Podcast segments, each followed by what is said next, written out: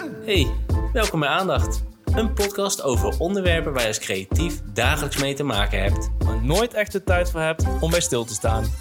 Mijn naam is Stefan. En ik ben Simon. Zo, Siem, laatste van het seizoen. Ja, Ja, de Bizar acht- eigenlijk, de, hè? De acht van aandacht. weet je nog eh, onze eerste aflevering? Oh, het was best warm, of niet? Eh, we zijn in, we hebben volgens mij onze eerste in april gelanceerd. April, oh, april mei. Ja, valt op zich nog wel mee. Ja. Maar Creative oh, Confidence. ja. Het heeft ook wel een tijdje, en sorry, eh, normaal gesproken hadden we op zich wel best wel een mooie streak aan wanneer we zeg maar een afleveringen gingen lanceren. Eén keer per maand of zo. Eén keer per maand. Er zit nou een iets grotere ruimte tussen de laatste aflevering en deze aflevering. Maar dat kwam omdat wij, we zijn natuurlijk super interessante jongens, dus we hadden ook super druk. Nee, dat was gewoon feestdagen, eh, vakanties, eh, druk hebben op werk. New Year, New Me. Nee, ja, maar dat betekent niet dat we het nog graag aan gaan doen. Ehm, nou, we hadden natuurlijk in de laatste aflevering een eh, leuke samenwerking met de jongens van Uitstellers. Die hebben ook nou een laatste aflevering gelanceerd waarin onze stemmen ook te bewonderen zijn. Net zoals dat ze bij ons te bewonderen waren. Ja, dus mocht je geen genoeg krijgen van onze warme, zwoele stemmen, ga zeker naar hun eh, kanaal. Ja, want ze hebben best wel een leuke insteek voor dat tweede seizoen. En eh, nou, ze hebben dan eh, spreken met een aantal mensen uit het vakgebied, mensen die maken.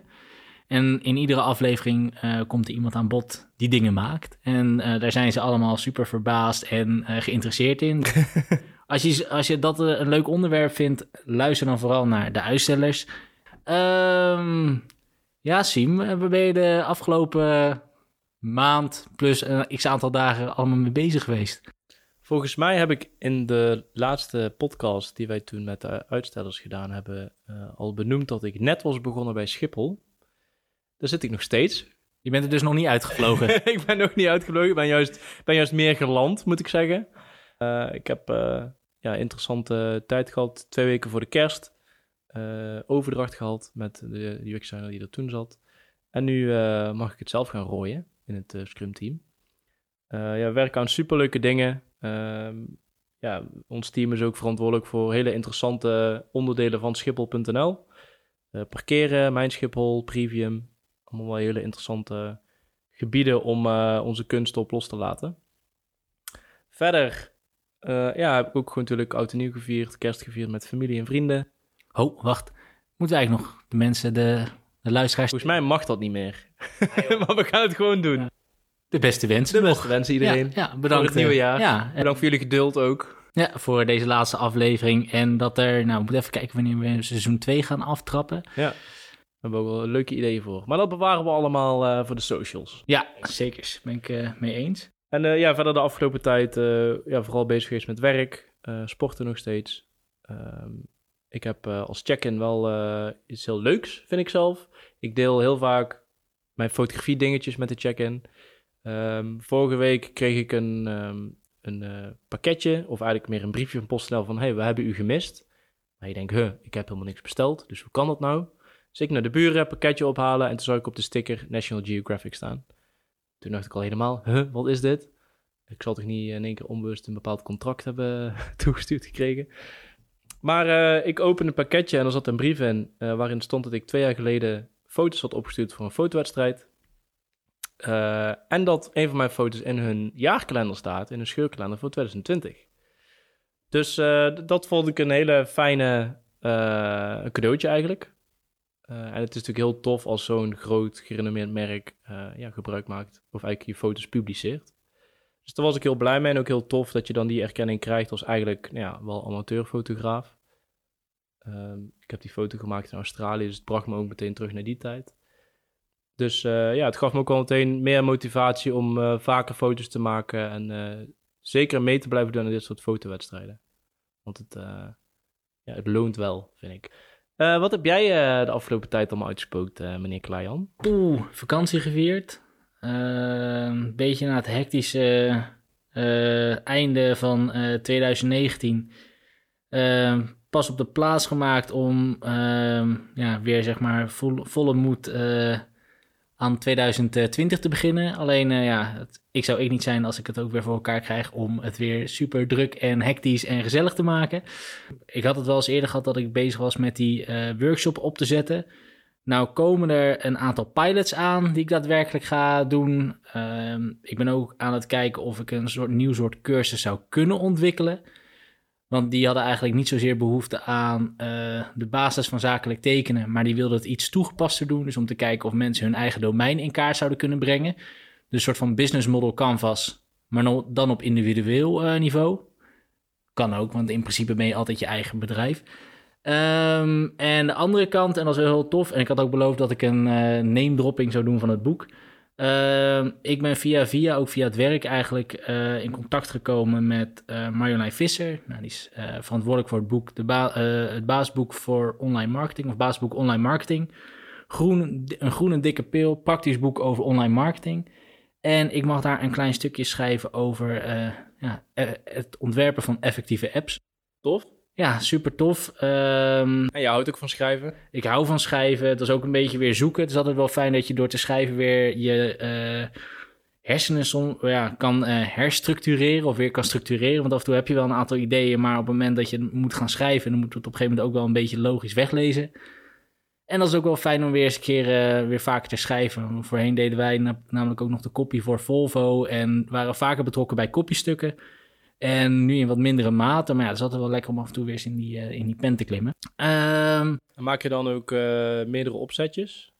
Dus dat je ook gaat itereren op je tekst? Ja, ja, dan maak ik... ben altijd heel nieuwsgierig namelijk... Uh, kijk, wij zijn natuurlijk ontwerpers, designers, hoe je het noemen wil. We denken natuurlijk in heel veel mogelijkheden en heel veel iteraties. Dat zit gewoon ingebakken. Maar werkt dat zo ook bijvoorbeeld met tekst of met muziek of met andere manieren van creativiteit? Probeer je nou een heel subtiel bruggetje naar het onderwerp van deze aflevering te maken. Nou, dat lukt vrij aardig, toch? Ja, ik vind Tot het jij het verklapte. Ja, ja, ja, ik vind het mooi. Als je, uh, uh, waar veel mensen ook, dan hoor je heel vaak als mensen een stuk moeten schrijven, dat ze, ja, ik heb een writersblok. Maar ik denk dat het belangrijkste waar je uh, aan moet denken op het moment dat je gaat schrijven, is dat je nooit lineair schrijft. Dus je kan nooit in één keer van A tot Z alle zinnen op papier gieten. Dat gaat in sprongen, dat gaat in... En ik denk altijd bij mezelf, joh, ik heb een soort van idee in mijn hoofd. En hoe zou ik dat vertellen? Nou, eerst zet ik dat allemaal op papier. En dan ga ik kijken van, goh, komt dat in een, ja, komt dat in een juiste volgorde eruit? Uh, dus je hebt wel een soort basisstructuur, maar hoe je het invult, dat kan een, een willekeurige volgorde. Ja, en dan probeer ik altijd te kijken van, joh, zou ik voor mezelf ook een soort van outline kunnen opzetten? Outline, hey, ik voel hem aankomen. Zoals ik heb nu ook afgesproken met uh, Marjolein, die uh, leest dan die uh, teksten door. En nou, er komt ook nog een redactie overheen. Maar ik heb me daar nou afgesproken dat ik voor de opzet van de paragraaf uh, schets ik de outline uit van joh, dit is ongeveer wat ik wil gaan vertellen.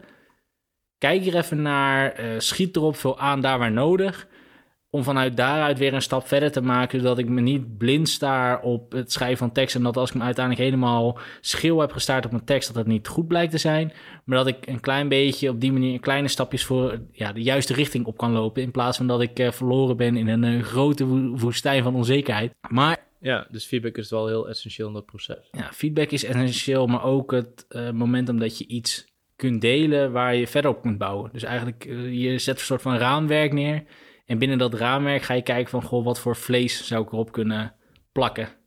Want hoe vaak deel jij, hoe snel deel jij je werk? Als je, stel jij gaat werken aan een user story of aan een, een concept, wat het dan ook is. Je gaat aan de, aan de gang, je gaat aan het werk. Hoe snel wil en kun je al iets delen? Hoe, hoe pak je dat ontwerpproces aan? Is een beetje afhankelijk met wie ik het moet delen. Mm Um, en met wie je het wil delen. En met wie ik het wil delen. En op zich, ik geloof altijd wel dat de deelbaarheid van je werk uh, invloed heeft op uiteindelijk uh, succes van je werk. Dus deel, delen van werk kan alleen maar bijdragen aan het nog beter maken van je werk. En dan zijn we bij de brug. En op de brug staat het onderwerp van deze aflevering. Er is een groot spandoek gedrapeerd. Ja, maar ik denk ook voor velen vele herkenbaar. Um, Nee, jij, jij bent koning prototype. Uh, ik ken weinig mensen die zulke strakke prototypes als Simon kan neerzetten. Ik was Usain Bolt, toch, volgens jou? Ja, met, uh, met die dingen in elkaar pompen. Maar uh, ja, iedereen herkent wel het momentum dat je eigenlijk... Het is nog niet het eindproduct. Um, Je kan een schets opleveren. Nou, een schets is ook een soort van prototype. Maar een prototype, daar, eh, sommige klanten snappen het niet. eh, soms snappen je collega's het niet. Soms snap je het zelf Soms niet snap eens. je het zelf niet eens. Eh, ja, wat is per definitie nou een goed prototype? Wanneer zet je die in? Ja, dat zijn altijd een klein beetje van die uitdagingen als je net begint. Maar ook mensen die al echt bakken aan ervaring hebben... is het af en toe nog steeds lastig om te kiezen van wanneer wa- laat je wat zien, aan wie en in wat voor vorm. Eh, dus dat is de reden dat we voor deze aflevering hebben gekozen voor het onderwerp prototyping. Ehm, ja, omdat ja, het raakt ons vakgebied eigenlijk iedere dag. Ja, ik vergeet ook nooit meer de, de hoe, hoe zei Henny dat nou tijdens jouw eh, afscheid en met eh prototype van je eigen leven of zo? Het leven is een prototype. Het leven is een dat prototype. Is, dat is ook mijn, eh, mijn hele insteek, hoe ik mijn leven zie, zeg maar. Ja, en eh, ja, of je bent een prototype niet, dat kan ook. maar Jezus. Ehm, laten we dan ook gelijk starten met eh, de eerste stelling. En nou, we hebben misschien al een klein eh, Een beetje onthuld. een beetje onthuld. Maar ehm, stelling 1. Prototypes scheppen valse verwachtingen. En dan met name denk ik bij de klant. Moet niet per se. Of bij mensen, oké, bij mensen in je team. Ja. ja, want ik vroeg net eh, hoe jij dan zo'n proces aanpakt, zo'n ontwerper. Dus hoe jij begint, wanneer je het laat zien, aan wie je het laat zien, ehm, hoe je dat aanpakt. En dat komt denk ik met name omdat we eigenlijk in aanloop naar deze uitzending eh, spraken over het ontwerpproces en welke methodieken je allemaal kent. Er zijn natuurlijk genoeg, nou, je noemde net al in je check-in de business model canvas. En nou, je hebt genoeg methodieken en eh, leuke modellen die je kunt toepassen. Maar wanneer gebruik je nou wat? En ik kan me ook goed herinneren dat wij altijd, eh, altijd een aanpassing maakten op het model. eh, om het werkbaar te maken voor ons.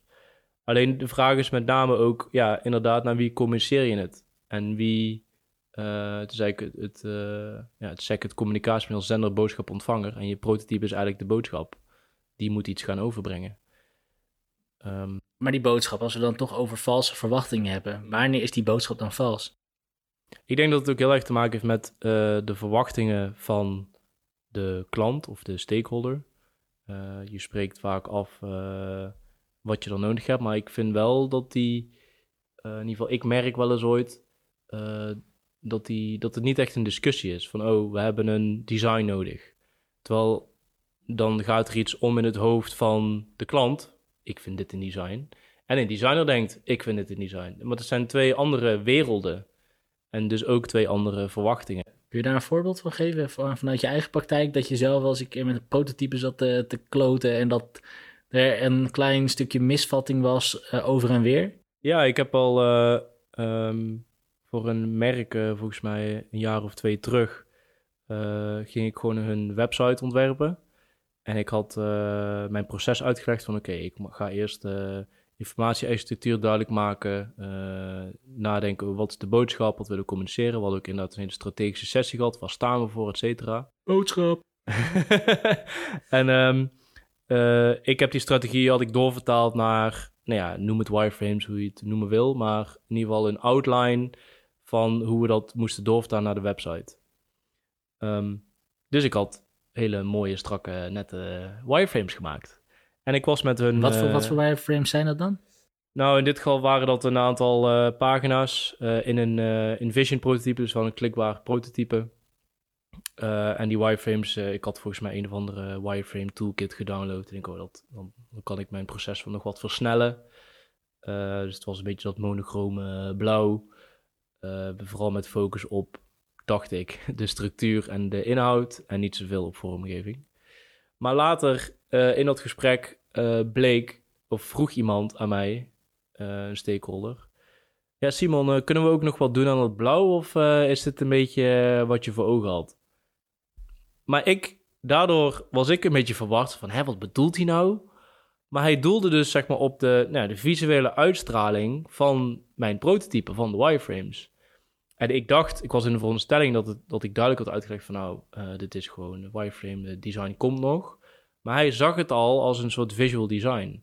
Misschien omdat het heel, nou ja... Waar, waardoor, waardoor kwam dat? Uh, dat? Dat daar zeg maar die verwachtingen niet met elkaar matchten? Ja, dat weet ik. Dus dat vind ik nog steeds lastig om, om uh, te bepalen waar het dan precies aan lag. Misschien omdat de wireframes toch misschien te visueel uitzagen of zo. Want ik had ook geen fotografie gebruikt, eh, gewoon eh, van die placeholder icoontjes en zo. En stel je zou, je zou die opdracht nu nog een keer krijgen. Wat zou je dan nu doen met de kennis die je toen had opgedaan? Ik denk dat ik eh, meer in gesprek zou gaan in, in wat hun verwachtingen zijn. En hoe ze dat dan voor zich zien en ook wat ze nodig hebben. En aan welke voorwaarden dat moet voldoen. Ik weet nog, eh, als, je, als je bij een bureau werkt, dan eh, lever je vaak gewoon deliverables op. En vaak zit op de offerte, we maken wireframes. In mijn ogen zijn wireframes helemaal geen deliverable. Dat is een methodiek om ergens te komen. Om het gesprek juist te voeren over de inhoud en over de structuur. Dus ja, die, die valse verwachtingen kun je denk ik alleen maar ook voorkomen door gewoon wederom dat gesprek open te breken en ook door te vragen wat iemand dan nodig heeft en verwacht. Want heel vaak zie je ook dat bepaalde klanten het intern ook nog moeten doorcommuniceren. En dan kan het zomaar zijn dat je je hele verhaal nou ja, in elkaar dendert. Ik weet niet of dat jij ooit hebt meegemaakt als je iets hebt gestuurd naar een klant en er werd totaal verkeerd. Ja, zowel, ik denk zowel naar klant als ook eh, intern. Als je het aan iemand moest doorpresenteren. Eh, met sommige mensen heb je bij wijze van spreken een half woord nodig. Ja. Een half design nodig. Eh pennenstreek. pennenstreek en je zit zeg maar bijna op dezelfde bladzijde. Ehm, in andere gevallen heeft iemand zeg maar meer ehm, context nodig of meer eh, detaillering nodig om daar iets over te kunnen zeggen. Ehm, maar laat ik eerst op je vraag van mensen zeg maar van buitenaf met de klant. Eh, ja, eigenlijk ook hetzelfde. Hetzelfde riedeltje. Ik had een prototype gemaakt. Monochrome wireframe. Omdat ik, dat, ik vind dat gewoon super fijn. Omdat je dan even los van alle design rondomheen. Ehm, het is gewoon heel simpel. En het zit heel erg op de boodschap in de informatieflow. Maar toen zei iemand al, ja, ik vind eigenlijk best wel fijn, eh, fijn design. Lekker rustig. Ik zo, Ja. eh, wat? Lekker rustig? Ik zei, nee, nee, oh, oh, voordat we zeg maar helemaal verkeerd gaan. Eh, dit is zeg maar een design komt nog. Dit is eigenlijk puur om te laten zien van hoe alles, ja, hoe de informatieflow precies loopt. En of je duidelijk stap wel, welke stap je moet maken om tot bepaalde content te moeten komen. Oh, oh, ja, maar we vinden dit ook wel mooi. Ehm, toen dacht ik, oh shit. Ja, dat was ook eigenlijk niet de bedoeling dat ik zeg maar... En toen dacht ik bij mezelf ook van ja, had ik niet vooraf moeten vertellen... joh, wij gaan prototypes gebruiken. Dit, wij werken zeg maar monogone... Dus dat ik eigenlijk al verwachtingen manage in plaats van dat ik zeg... joh, want voor ons is eh, zijn prototypes, eh bij wijze van spreken de zuurstof die we ademen. Het is gewoon eh, voor ons bekend. Maar voor mensen die niet zo vaak ehm, in aanraking komen met prototypes... Alles wat ik daar op het scherm zie, dat zou een mogelijk design kunnen zijn. Ja. Zo, simpel, eh, zo simpel zou het kunnen zijn. Maar ja, dat was voor mij dat ik dacht van... oké, voortaan moet ik daar wel wat scherper op zijn... om dat stukje verwachtingen te managen. Ik vind het ook wel grappig om dan eh, te zien dat heel veel, of niet heel veel, maar dat zo'n klant dan al zegt, oh, ik vind het eigenlijk wel rustig. Dus dat je eigenlijk al bijna alsof een input krijgt voor je designrichting. Ja, dan denk ik, oké, ik maak het echt heel rustig. Want je kan ook zeggen, nou, dit was het, eh, bedankt, het is af, het is klaar, dus maar het is geen design meer nodig. Maar erger nog zelfs, eh, in sommige gevallen ook soms gezien de tijd en de snelheid waar je in zit, dan denk ik, joh, ik pak pen en papier, ik pak een aantal stiften en ik ram er gewoon een x aantal schermen uit. Ik plak die achter elkaar in InVision en ik heb een klikdemo. Dat iemand ook zegt, ah, dat is echt best wel een fijn design. Ja, wat moet er dan nog eigenlijk aan gebeuren? Dat ik dacht, ho, ho, ho, volgens mij, dat ik dacht van, oh, dat is weer een stukje verwachtingen en... Dat ik, voor dat ik zoiets heb van ja, een prototype. ehm, ik denk van de klanten en eh, rondom ons heen niet. Ja, ik denk dat 80% weet eigenlijk niet echt helemaal waar een prototype voor dient. En eh, dan kan er al best wel snel een soort van eh, misverstand ontstaan. Is het dan ook niet onze taak als ontwerpers om klanten daarin mee te nemen en ze ook uit te leggen waar het voor dient en waarom we ook prototypes maken? Ja, dus eigenlijk moet je dat, die stap. Als ik, als ik ook mijn eh, jeugdige ik zou mogen aanraden van joh, dit is iets wat je sowieso zou moeten doen in je ontwerpproces. Wees dat voor, zodat je eigenlijk niet eh, voor eh, verrassingen komt te staan. Dus los van dat prototypes valse verwachtingen kunnen scheppen, kunnen ze ook eigenlijk juist een brug slaan tussen, tussen die verwachtingen. En kunnen ze misschien juist een oplossing zijn. Ja, en ook mensen uitnodigen om deel te nemen aan het maken van een prototype. Ehm, Ja, want dat, eh, dat is ook nog een, misschien nog wel een ander ding.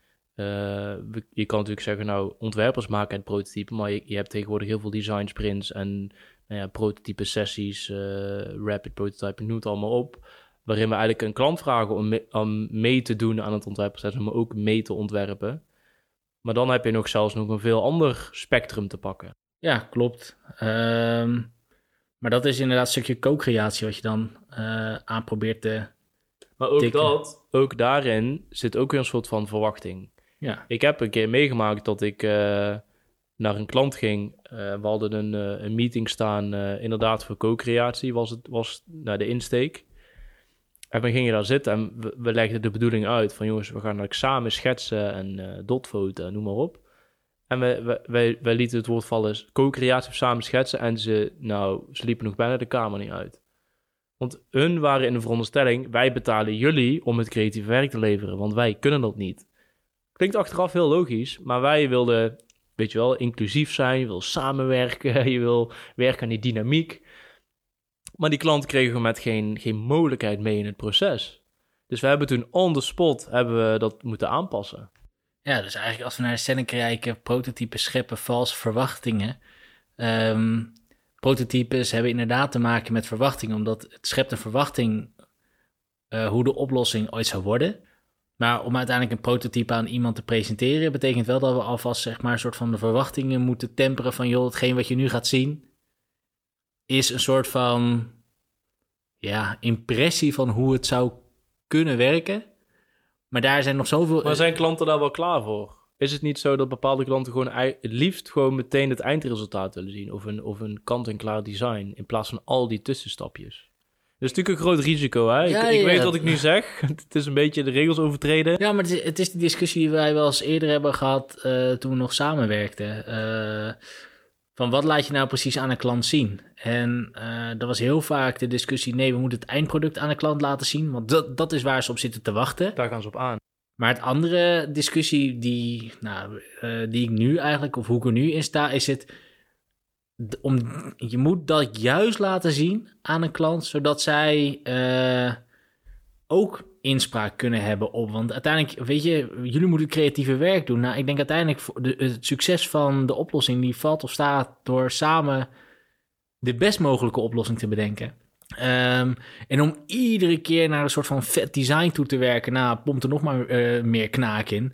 Dan kan je beter kijken van, oké, hoe kunnen we zo snel mogelijk weten en leren of dit zeg maar de juiste richting is die we opgaan. Dan zeg je eigenlijk dat wij... Het liefst hebben natuurlijk zoveel mogelijk iteraties, zoveel mogelijk eh, eh, tests, prototypes. Willen we heen en weer met de gebruiker, willen we heen en weer met de business, noem maar op. Daar is niet altijd tijd voor. Dat is wel, denk ik, de meest ideale wereld. En aan de andere kant vraag ik me af, maar wat wil de business nou eigenlijk? Die wil natuurlijk gewoon een goed werkend product. En het kan misschien hun wel geen reet schelen of dat je daar... Maar een goed werkend product, is dat afhankelijk van hoe het eruit ziet? Of, Hoe het daadwerkelijk werkt? ja, ik denk dat die twee misschien ook wel hand in hand gaan. En dat vind ik ook nog wel mooi met prototypes scheppen valse verwachtingen. Over stakeholder management gesproken.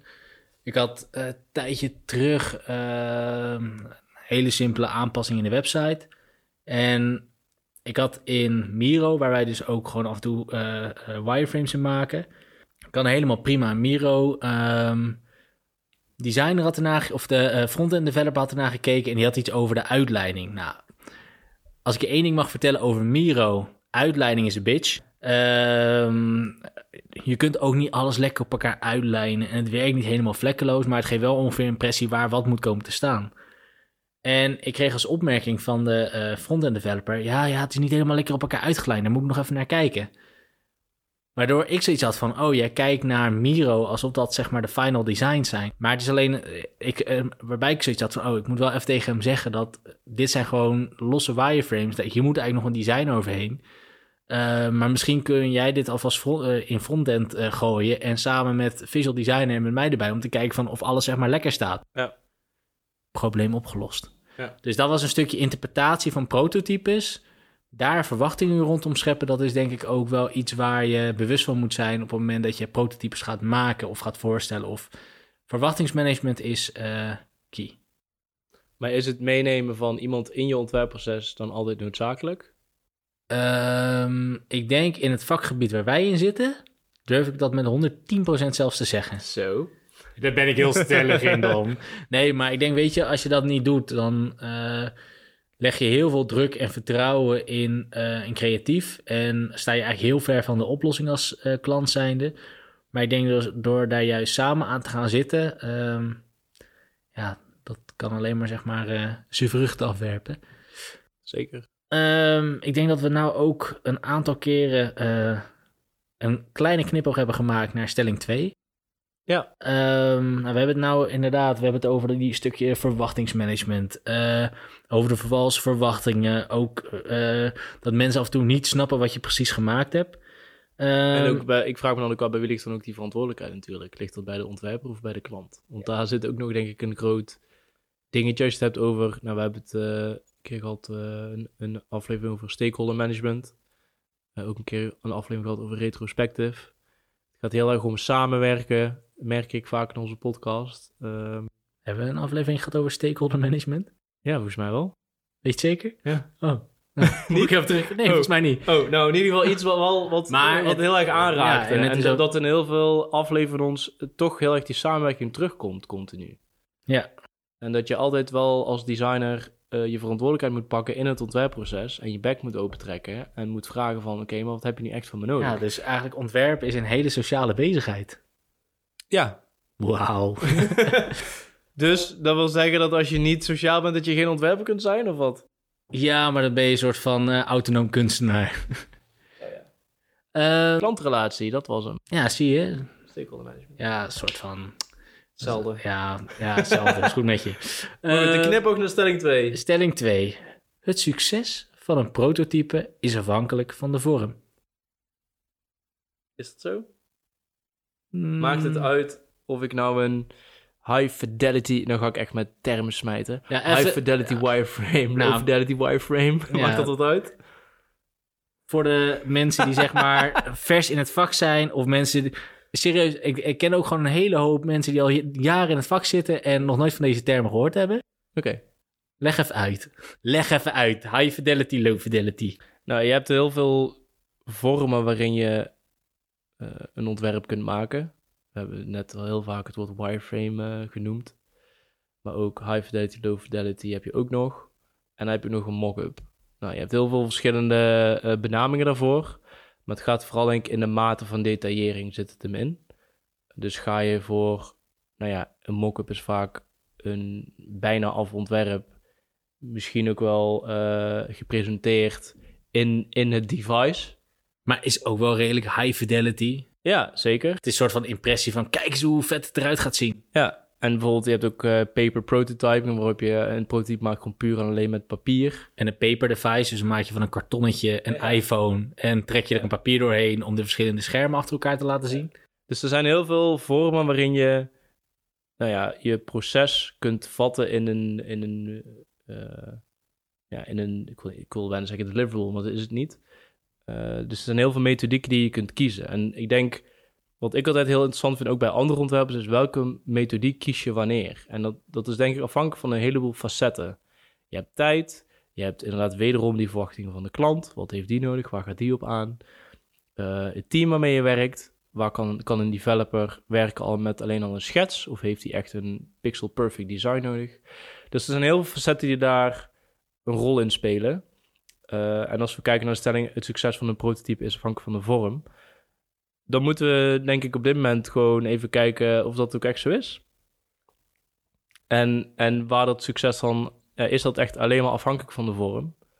Volgens mij hebben we het ook net al een beetje genoemd, het heeft ook te maken met... Is eh, denk ik een beetje onderdeel, een stukje verwachtingsmanagement is een belangrijk punt. Ja. Ehm, vorm speelt denk ik is ook een rol. Maar niet, het is niet zo stellig alleen, het, het succes hangt daar niet alleen van af. Voor mij zit het denk ik ook een klein beetje in ehm, wat je er uiteindelijk uit wil halen. mhm.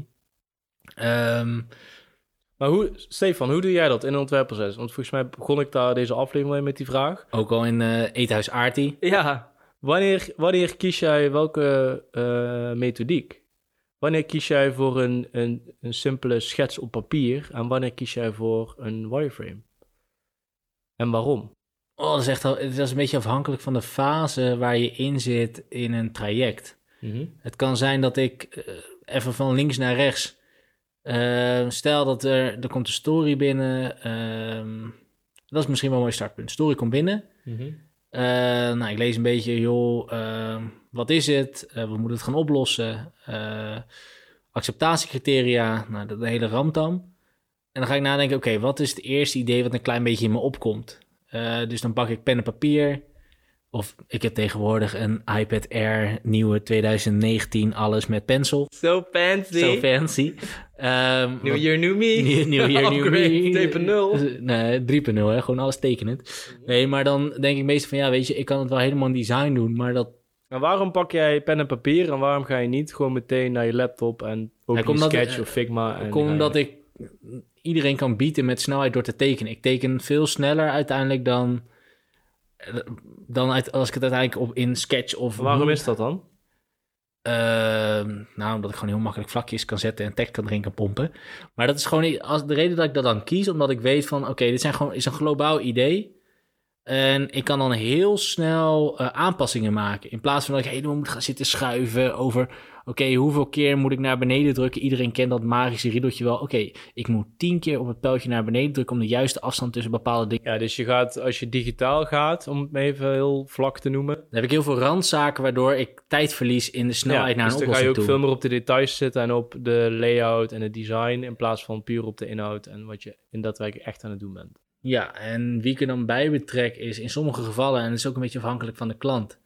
eh, in sommige gevallen kan ik al gewoon met een klant erbij gaan zitten. Eh, dat ik zeg van, joh, ik heb een paar ideeën, eh, kan jij er even wat bij pennen? Of wat is jouw, zit, jouw gedachtegang eens op papier? Dus dat je dat, dat heel dicht bij elkaar probeert te houden. En wat zet je dan op papier? Is dat puur alleen een schets? Of zet je daar ook onder wat voor type scherm het is of hoe de interactie moet plaatsvinden? Of, want die context, je hebt wel context nodig denk ik om zoiets te kunnen begrijpen, ook een klant. Ja, nou, in in het geval van een klant waar ik heel lang voor werk en eh, die ook het platform kent, dan weet je ook wat ongeveer de interacties zijn.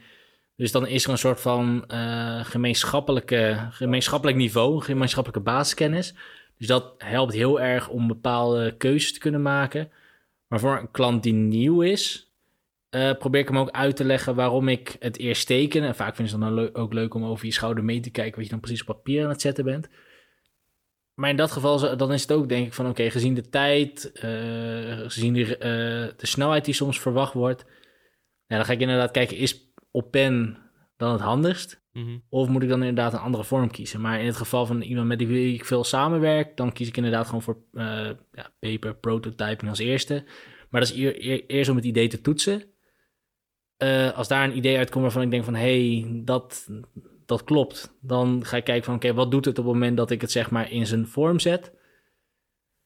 En dan is de vraag van, oké, gaan we dit testen, ja of nee? Maar zo zijn er x aantal hoorders eh, in het proces om te na te denken van, goh, moet ik mijn prototype een leveltje hoger brengen? Dus van, eh, nou, ik was laatst bijvoorbeeld bezig ook met de animatie van een winkelmandje. Nou, nu ben je de winkelmand kwijt op het moment dat je naar beneden scrolt op een pagina. Nu gaan we ervoor dat op het moment dat er iets in je winkelmand zit en je scrolt naar beneden, dropt de winkelmand een laag en dan komt hij zeg maar in de navigatiebalk die eronder staat. Maar dat gaat heel flawless en heel intuïtief. Dat kun je met een schets bijna niet doen. Daar kan ik met dus, dus ik had, met, ik had eerst met een op gewoon papierschets dat ik denk van, nou, ik zou dit met het winkelwaarsje doen, ik zou dit kunnen doen, ik zou dit kunnen doen. Nou, op een gegeven moment, ook uit ervaring weet ik van, nou, dit zou denk ik de meest realistische oplossing zijn. Dat is ook iets wat ik dan, dat is dan weer een prototype die ik niet zo snel aan een klant laat zien, omdat ik weet in mijn hoofd ongeveer, ik kan wel met een front-end developer erover praten van, ik zit een beetje te denken over deze animatie, denk ook even mee. Dus ik probeer dan wel na te denken. Ik weet ook wel wie mijn doelgroep is. En ik probeer daar ook wel zeg maar, een beetje de schets. Maar je doet het ook heel erg op ervaring, zeg je net. Dus het is ook een kwestie van heel veel proberen en kijken welke methodiek misschien ook wel juist voor jou werkt. En Ja, Kijk, het succes van een, van een prototype is denk ik, wat jij ook net ook zei, misschien niet alleen afhankelijk van de vorm, maar ook inderdaad met de mensen waarmee je samenwerkt. Maar ook, denk ik, met name eh, wat werkt voor jou. ja, Natuurlijk moet je er altijd rekening houden met voor, voor wie je het maakt. Stel je gaat usability testen, dan moet je natuurlijk wel nou ja, rekening houden met het doel en, en in hoeverre je methodiek daaraan bijdraagt. Maar als jij van jezelf weet, ik ben niet zo snel met schetsen, misschien moet je dan maar meteen digitaal gaan. Ik, mijn overtuiging is in ieder geval dat daar niet echt een goed of fout in is. En dat in dat gebied misschien niet echt succes ervan afhangt. Het is denk ik meer de manier waarop je het toepast en de manier waarop je het communiceert naar anderen. En ook wat we misschien op bestelling 1 zeiden, in hoeverre je iemand meeneemt in je proces. Dat kan denk ik ook eh, onderdeel zijn van dat succes. ja. En ook weten hoe degene die aan de andere kant van de tafel zit, ongeacht of het een collega van je is of een klant, ehm, ook weten met welke kennis zij naar het prototype kijken. Want ik vind bijvoorbeeld, met sommige hoef je inderdaad, weet je, dan kan je met een blok en een paar strepen eronder, ja, daar staat tekst. Ja. Ben je al zeg maar klaar. En iemand anders, en dat kan zelfs gewoon echt een collega van je zijn, die heeft gewoon letterlijk copy, tekst, titel, bodytekst nodig om er pas een feeling mee te krijgen. Dus het is ook de vraag van hoe ver kan diegene door datgene heen kijken wat je deze zojuist op papier hebt ge, of op je scherm hebt eh, neergezet. En dan kom je alleen maar achter door of het te doen en vervolgens te checken, of van tevoren te checken hoe ze het liefst eh, nou ja, het, het hebben. En even los van het succes van een vorm. Wat vind jij, leuk, wat vind jij nou echt de leukste vorm van prototype om te maken? Ehm, nou, ook wederom heel erg afhankelijk met wat voor type opdracht ik zit. Als het iets, iets vrij makkelijks is, dan schets ik het liefst. Nee, nee, nee, dat is niet mijn vraag. Oh. Gewoon echt, wel- welke, welke forum, welke forum vind je... Bijvoorbeeld, ik zou kunnen zeggen, joh, ik hou heel erg van tekenen. Ik vind Mhm. papierschetsen leukst om te maken. Ja. Maar wat, vind, wat is nou je favoriete prototype? Eh, ik denk wel, eh, wel met een wifi met wel redelijk veel detail erin. Ook met animatietjes? Eh, nee, dat mag best vlak zijn. Ik redeneer altijd vanuit eh, een flow. Dus bij mij is een prototype ook bijna nooit één scherm. Ik neem altijd de hele flow en de hele context mee in als ik ontwerp. Dus ik heb bijvoorbeeld afgelopen week iets gemaakt voor Mijn Schiphol, waarin je je parkeerboekingen kunt zien. Dan maak ik niet alleen die pagina, want ik weet, als we dat gaan introduceren, dan raakt dat een heleboel andere domeinen en andere schermen. We moeten de loginpagina aanpassen, want er komt een USP bij. We moeten een andere pagina aanpassen die uitlegt wat Mijn Schiphol is en wat het kan. Dus dat, die context is veel groter en breder dan alleen maar die pagina. Dus daarin neem ik die, de hele flow mee van login totdat je bij die pagina bent, tot zelfs het menu wat een linkje erbij krijgt. Puur en alleen maar om volledig te zijn. Een rond verhaal kunnen vertellen. Ja, echt van A tot Z. Dus ik, ik redeneer altijd van hoe wil ik mijn verhaal vertellen eh, en, en wat is belangrijk om te vertellen. Dat je ook niks vergeet en dat je ook alles, nou in dit geval richting het, het team, het development team, ook meeneemt. Eh, dat, dat iedereen ook de impact snapt van deze ene wijziging in de interface. Ja, past ook wel bij je. Thanks. Ja, en ik, ik probeer het ook altijd wel, ehm, nou ja, noem het interactief, maar ik probeer als ik dan zo'n flow eenmaal heb, probeer ik ook wel dusdanig te maken dat je er ook wel lekker doorheen kunt klikken en ja, dat mensen de flow ook wel snappen dat als je daarop klikt, dan kom je op die pagina. En dat het niet allemaal maar in tekst is bij de story, maar dat het ook nog eens bekrachtigd wordt met echt een interactief prototype. Is het dan heel raar dat ik juist, het, wat ik de vetste prototypes vind, dat is als ik met animaties mag kutten? Waarom is dat dan? Daar zat ik over na te denken terwijl jij niet je verhaal aan het afsteken was. Want voor mij is dat pas echt de volgende stap. En dat, natuurlijk, eh, kijk, animaties kunnen een groot onderdeel zijn van die gebruikerservaring. Maar dat is voor mij ook een methodiek. Ah, het is denk ik ook het soort prototype. ja, Wat ik vind, eh, wat ik fijn vind, en maar dat is denk ik ook meer een klein beetje visiestuk dat ik een klein beetje op digital eh, product heb. Is wat je vaak ziet is, soms behandelen we digital als PowerPoint. Heel statisch, heel plat. Ehm, terwijl het digitale weet je ook hoe dat komt, dat we dat op die manier doen? Deels ook gewoon om dat, dat mensen het zeg maar kunnen begrijpen en dat het logisch is. En Ja, maar ook omdat, vind ik, omdat de, de basis van digital vaak niet eens van zo'n heel hoog niveau is. Heel veel websites en dingen die vallen gewoon door de mand. Puur alleen al als je kijkt Want- naar flow en interactie. Ja, maar dat, dan komt precies, dan kom ik precies op dat punt wat ik dus zo interessant vind. Is dat eh, micro-animaties, dat die juist zo erg kunnen helpen in het begrijpen van iets wat, eh, wat eigenlijk het doel van een website is, een boodschap, nou, zender, boodschap ontvangen, is een boodschap over te brengen. En juist kleine micro-animaties goed toegepast, die kunnen de kloof tussen het daadwerkelijk begrijpen van wat er staat en wat van jij ervan maakt, je kan het verkleinen door suggestieve kleine dingetjes te doen. En dat vind ik zo'n magisch iets waarvan ik denk van... Goh, soms mis ik dat wel eens in plaats van dat het echt puur esthetisch is. Als je dat functioneel weet toe te passen, dan, ja, dan geloof ik... Dan denk ik van, ah, dan heb ik wel iets heel moois, iets heel subtiels eh, weten te maken. En dat is meer dat ik denk, weet je, paper prototyping vind ik ook super mooi om te doen. Kan ik me ook helemaal verliezen. Maar als ik het moet zeggen, waar je me echt soms gelukkig van krijgt... als ik zoiets heb van, als ik weer iets van een animatietje mag doen... omdat ik weet dat zo'n animatietje best wel van waarde kan zijn. Ja, en, en toch aan de andere kant blijft het eh, niks meer dan een methodiek om ergens te komen. Ja, Ja, en van dat animatie zijn er tegen verschillende versies. eh, dus je probeert altijd te kijken van, goh, zo zou ik het ongeveer willen hebben. Ja. Maar uiteindelijk moet je toch weer met iemand gaan zitten om te kijken van hoe je het daadwerkelijk in development zover kan krijgen. Dus in die zin ben je gewoon eigenlijk super afhankelijk van elkaar. Ehm, Het is wel grappig hoe we kwamen van dat jij bij de check-in zei: ik mag een, eh, een paragraaf schrijven voor een boek. En dat ik vroeg: oké, maar itereer je dan op? Tot aan, nou ja, noem het maar eh, welke vorm je kiest, hoe je dat doet. Want je had ook kunnen zeggen: van nou, eh, een paragraaf schrijven een boek, dan ben je eigenlijk al, zit je al vast aan de vorm. Dan zeggen ze al: het moet tekst zijn. Maar ook daarin kun je, denk ik, creatief gezien heel veel vrijheid in opzoeken. En dat is denk ik ook de reden waarom ik dit vak nog steeds zo mooi vind is dat je creativiteit heel veel verschillende vormen kan hebben. En dat je daar ook, hoop ik, voor, ook voor de mensen die luisteren, ook de vrijheid in krijgt om dan zelf te kiezen, eh, de methodiek te kiezen die bij jou past. En die je ook leuk vindt en fijn vindt. ja, en welke voeg je toe aan je eigen wapenarsenaal? Ja, zeker. Ehm, en dat je ook op die manier dus... eh, want je hebt ook wel eens van die gasten die zeggen... nou, die doen altijd alles standaard... Ja, iedere keer hetzelfde trucje.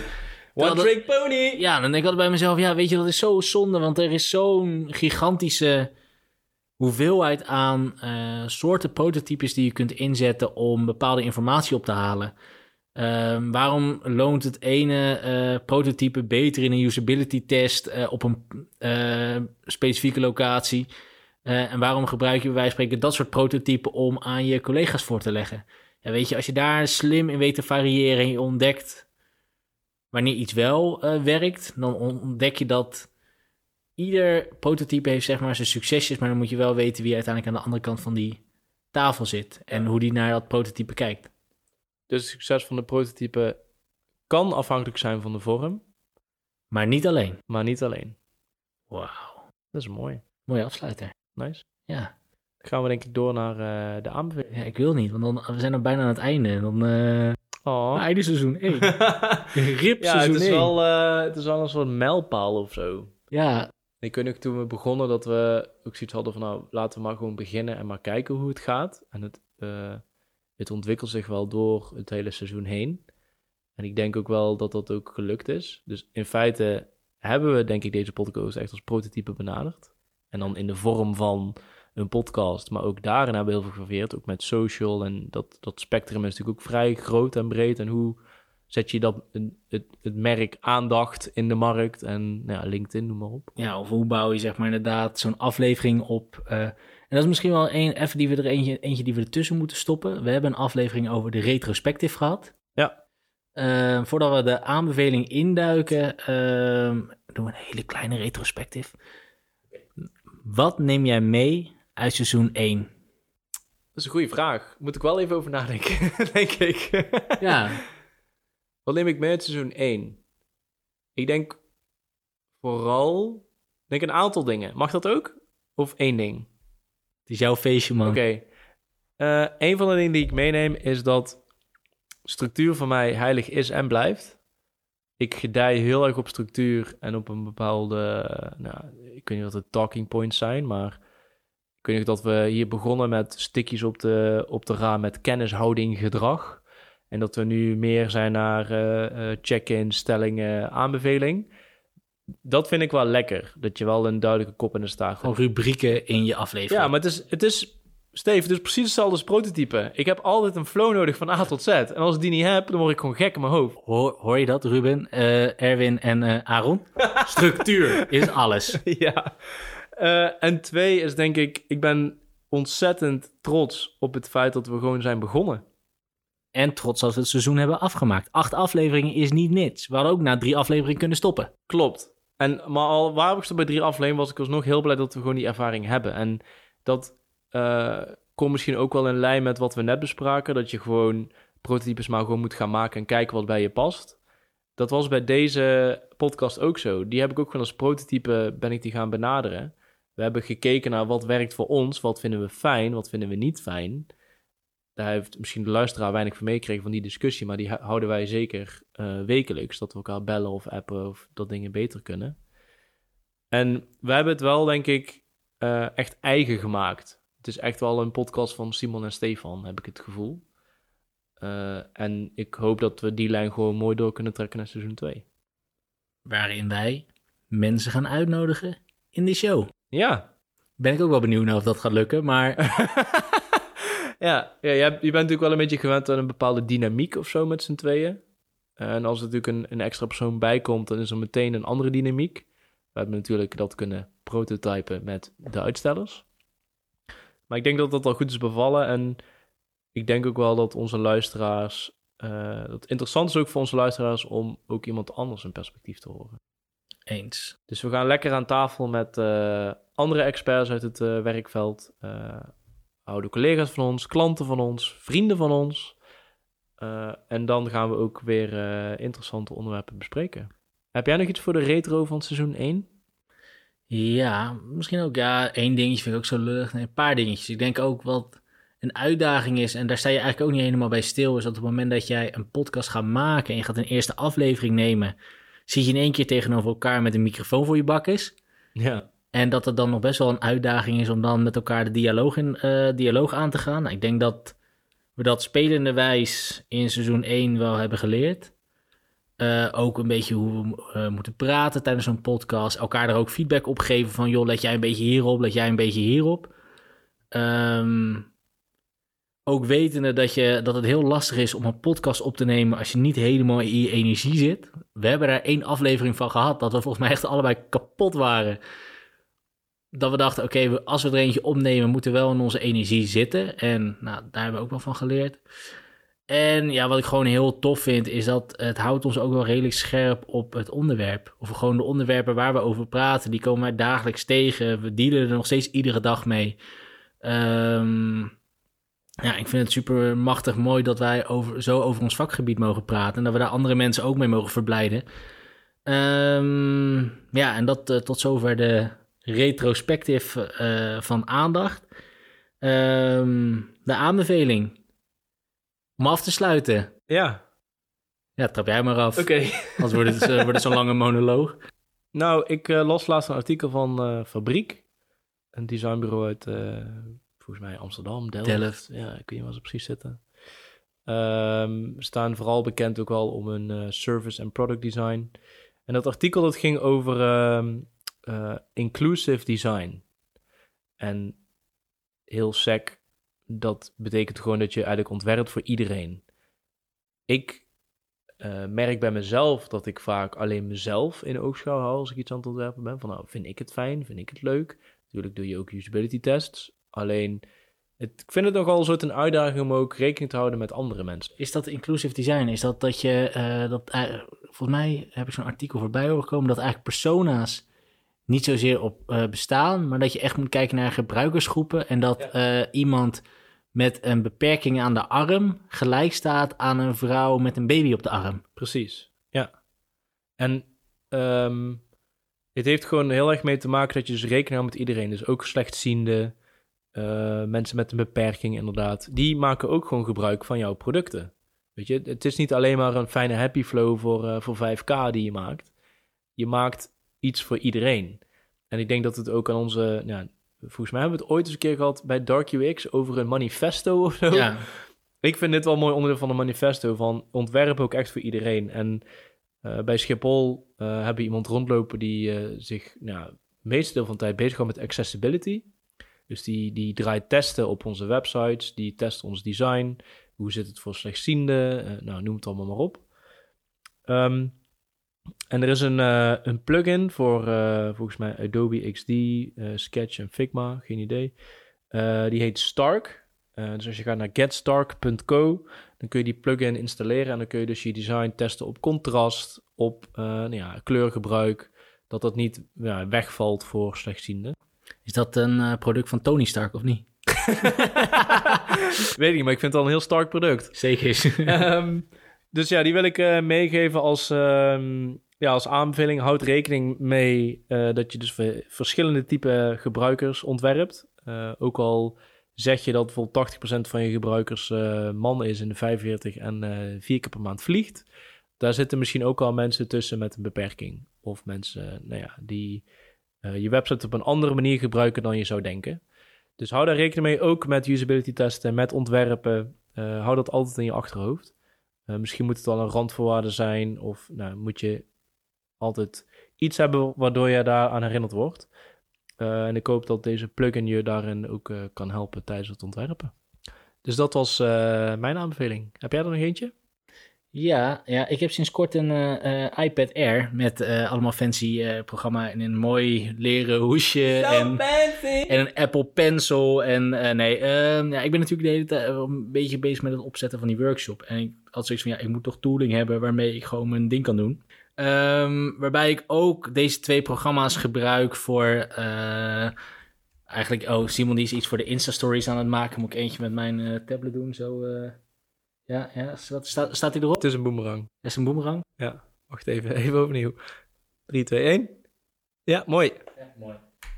Ehm, maar in ieder geval, ik heb nou die iPad Air en ik heb dus twee tekenprogramma's eh, erop staan. En eh, nou, ik had ook met een collega erover van, joh, en die heeft, eh, al die, twee, die heeft die twee programma's op zijn ding staan. Hij zei, ja, ik ben wel heel erg fan van Concepts. Procreate wat minder. Nou, dat zijn dus de twee apps die ik heel fijn vind. En hij zei, ja, ja, ik vind die ene wel echt fijner werken. In het geval van mijn situatie, waarbij ik concepts echt meer gebruik voor notities, is het echt, echt een awesome programma. Dan moet je wel de essentials erbij kopen en de mogelijkheid om een PDF eruit te trekken. Nou, dan is het echt geniaal spul om in te werken. Eh, omdat je gewoon heel mooi en snel een mooie schets kunt maken. En Procreate, dat is gewoon net een, level hoger, maar daar kan je gewoon echt hele mooie tekeningen in maken. Ehm, en dit is echt misschien heel nerdy. Ik heb altijd eigenlijk op papier getekend met eh, eh, krijt, eh, wasco. Ehm, nou, noem alle spullen op maar waarmee wat je papier kunt kwakken. Maar nooit digitaal echt getekend. Ja, wel geprobeerd om met een muis een soort van tekening in Photoshop te maken. Maar dit is eigenlijk op een hele nieuwe manier leren tekenen. Dus dat was voor mij ook een soort van uitdaging. waarin ik echt duizenden schetsen erin zit te maken. Maar ja, dat is wel iets waarvan ik denk van. Mocht je tekenen vaak gebruiken tijdens je werk. Gebruik die iPad van je, koop een Apple Pencil. En Moet die ook echt meenemen naar mijn werk, man. Zit ik nu te denken. Ik maak nu best wel vaak gebruik van papier, maar dat komt ook... Het is een beetje... En het is super duurzaam. Dus Ja, ik ja, denk ja. aan mijn ecologische footprint. Die is fucking groen doordat ik nou zeg maar digitaal ben gaan tekenen. hipster dat je bent. Ja, zeker, zeker. Goed man. New year, new me. Ja, geitenwolle sokken, alles. Nee, maar dat... eh ja, weet Nu nog een baard. Ja, ja, want eh, ik heb ook bewust gekozen om eh, voor mijn ecologisch... Nee, dat is echt bullshit. Ik vond het gewoon heel vet om digitaal te tekenen. Ehm, ja, maar tot zover de aanbeveling. eh, seizoen 1. It's a rap. Aflevering Rap. 8. Aflevering 8 van Aandacht. Simon van 8. Ja, ik ben van 8886. Ehm ja, ja, het is, het Ja, is, ik denk, dat, ja, ik denk dat we al onze luisteraars gigantisch willen bedanken voor seizoen 1. Bedankt voor jullie eh, ja, vertrouwen, voor jullie input ook. We hebben heel fantastische feedback gehad door het seizoen heen. Dus mocht je nog eh, eh, feedback of input hebben voor seizoen 2... Of ons willen sponsoren met super toffe koptelefoons of materiaal. Of ons überhaupt willen sponsoren. dan mag dat ook. Ja, dan kun je naar www.aanachtdepodcast.nl of naar onze Instagram aannachtdepodcast. En dan komen we graag met je in contact. Tot seizoen 2. Hopelijk ben je er dan weer bij. En tot die tijd veel plezier en succes met het werpen. ja, nou, ik wil nou net geen zeggen houdoe. Maar hé hey, jongens, ehm, Houdoe! later hè.